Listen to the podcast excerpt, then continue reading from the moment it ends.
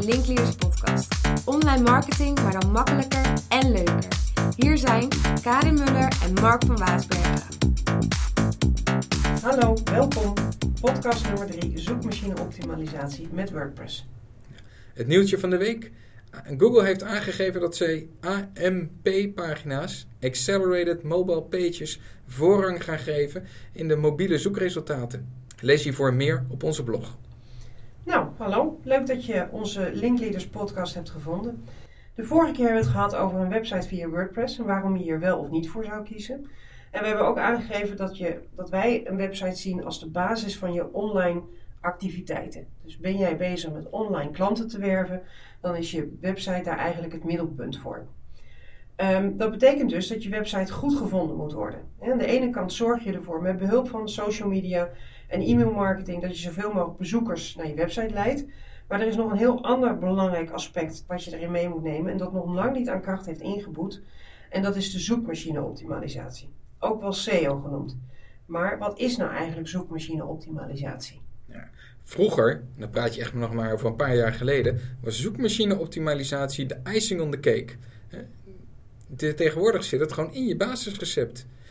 het is zelfs een taart zonder boter. Eigenlijk zijn er, uh, er zijn heel veel mensen die zeggen SEO is dood. Helaas, niks is minder waar.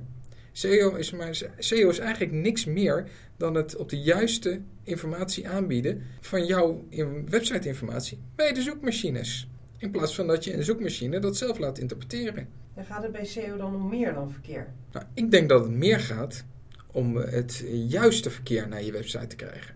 Nou, SEO is gewoon opgebouwd in een aantal facetten. Wanneer je aan al deze facetten aandacht besteedt, zal je merken dat het, het verkeer en de conversie op je website zich positief ontwikkelt. Nou, aspecten die wij belangrijk vinden bij zoekmachine-optimalisatie zijn nou, voor, voor de initiële opzet Google Analytics, Google Search Console. Nou, eigenlijk kent iedereen dat gewoon nog onder Webmaster Tools. Maar het invoeren van een sitemap en zorgen dat je website snel genoeg is. Dus, hè, eh, optimaliseren van je afbeeldingen. Maar ook zoekwoord en keyword research. Dat betekent eigenlijk waar zoeken mijn klanten op? Het gaat dus eigenlijk om dat je zo uitgebreid mogelijk in de huid van je, van je doelgroep duikt. Zo hebben wij voor verschillende klanten, hebben ook voordat we met de bouw van een website begonnen, eh, diverse klanteninterviews uitgevoerd. En daarmee kwamen we op dat moment achter zoekwoorden die we anders zelf nooit hadden verzonnen. Voor een, eh, een klant met industriële vloertegels kwamen we er uiteindelijk achter dat de vloercode een heel belangrijk zoekwoord was. Maar dat hadden we zelf eigenlijk helemaal niet verzonnen. Nee, en de eigenaar ook niet. Die zat van het is mijn product. Maar ja, niemand wist dat die gevonden werd op internationale netnorm voor eh, PVC-vloeren. Nou, dat betekent gewoon dat je continu aan, je, aan, aan content moet ontwikkelen. Kijken naar je klanten en kijken waar ze naar op zoek. Wat is hun probleem? En schrijf daar je content op. En dan hebben we vervolgens hebben we het opgedeeld in on-page optimalisatie. Nou, wat betekent een on-page? Dat betekent gewoon alle informatie die je in je website zet. Ja? Meta-descriptions, maar bijvoorbeeld ook schema.org informatie. Het opnemen van AMP-pagina's, uh, eh, Facebook instant pages, de juiste headings, hè, waar je juist de conversie en de interesse mee wekt. Het gebruik van interne links, het gebruik van links naar buiten toe. De lengte van je teksten. Hè? Niet vijf regeltjes. Nee, je moet gewoon echt vier, 800 woorden moet je gewoon als content neerzetten. Nou, wat is nog meer belangrijk? Off-page optimalisatie. Dat is eigenlijk alles wat buiten je website gebeurt. Dat zijn links van buiten naar jouw website. Maar neem bijvoorbeeld daarvoor ook deel aan discussies op bijvoorbeeld LinkedIn of op Facebook. Wat is de invloed nog van social media? Ja? Belangrijk is dat je al deze uh, aspecten aanvult met elkaar. Het moet een compleet verhaal zijn. Echt, het volledige SEO is zelf eigenlijk wel heel lastig te leren. Dus eigenlijk komt het een beetje op neer dat je als schoenmaker bij je lees moet blijven. Ja, klopt inderdaad. Maar ja, weet je, je kan wel zelf je schoenen leren poetsen en ze netjes schoon te houden. Dan wat wil ik daarmee zeggen? Je kunt dus zelf controleren wat je, hè, hoeveel bezoekers er op je website komen. Wat doen die, webs, die bezoekers? Komen ze er heel even op of bladeren ze door naar andere pagina's.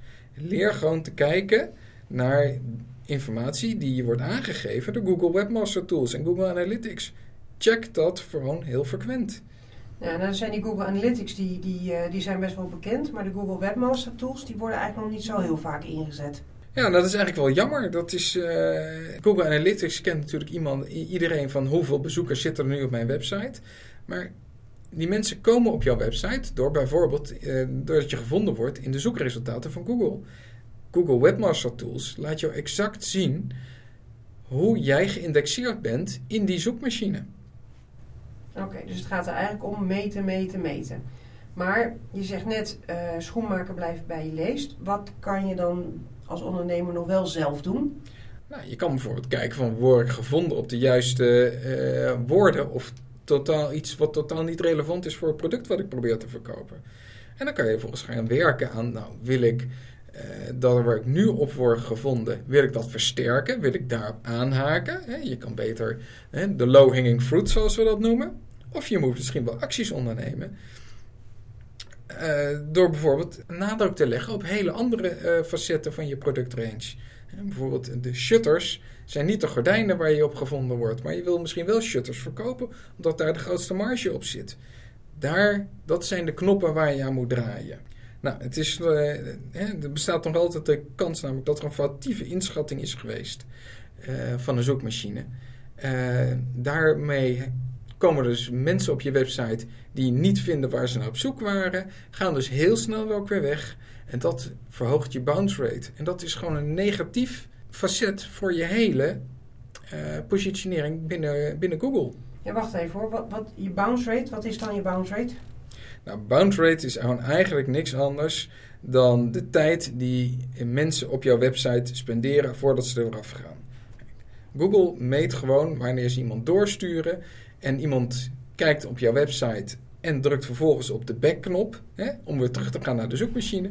Dat is voor Google gewoon een indicatie van ja, weet je, deze informatie was gewoon niet relevant. Dat zijn allemaal facetten waar Google naar kijkt. Uh, doe je dat niet goed, heb je veel mensen die terugkomen, zak je gewoon in de algehele ranking van Google. Nou, eigenlijk heb je dus met deze podcast pas het bovenste stukje van de ijsberg behandeld. Hè? Wat, maar wat adviseer jij nou ondernemers of organisaties om te doen? Hè, om hier met hun website mee aan de slag te gaan? Of, of wat, wat zou jij zeggen? Eigenlijk moet je gewoon een SEO-expert hebben die je adviseert op strategisch niveau van joh, waar moet je, wat doen mijn klanten en, en hoe kan ik in contact met ze komen? En hoe kan ik nou zorgen dat mijn website dat vertaalt? dus het is de technische optimalisatie die we eh, verder gaan uitvoeren. En daar kan je een, een expert bij hebben, maar de day-to-day uh, business moet je gewoon zelf onder de knie hebben. Um, ja, dus dat betekent dat je continu zelf content moet, moet plaatsen en dat je eigenlijk wel moet weten uh, hoe je die content dan verder kan optimaliseren, zoals dat dan heet. Zodat je weet waar je doelgroep naar zoekt en welke woorden ze gebruiken. En, en dat doe je dan in een samenwerking dan met een, een SEO-expert. Zo bedoel je hem eigenlijk aan te geven. Ja, klopt. Okay. Wat je natuurlijk ook verder gewoon kunt doen, is deze podcast blijven volgen. Want wij houden je op de hoogte.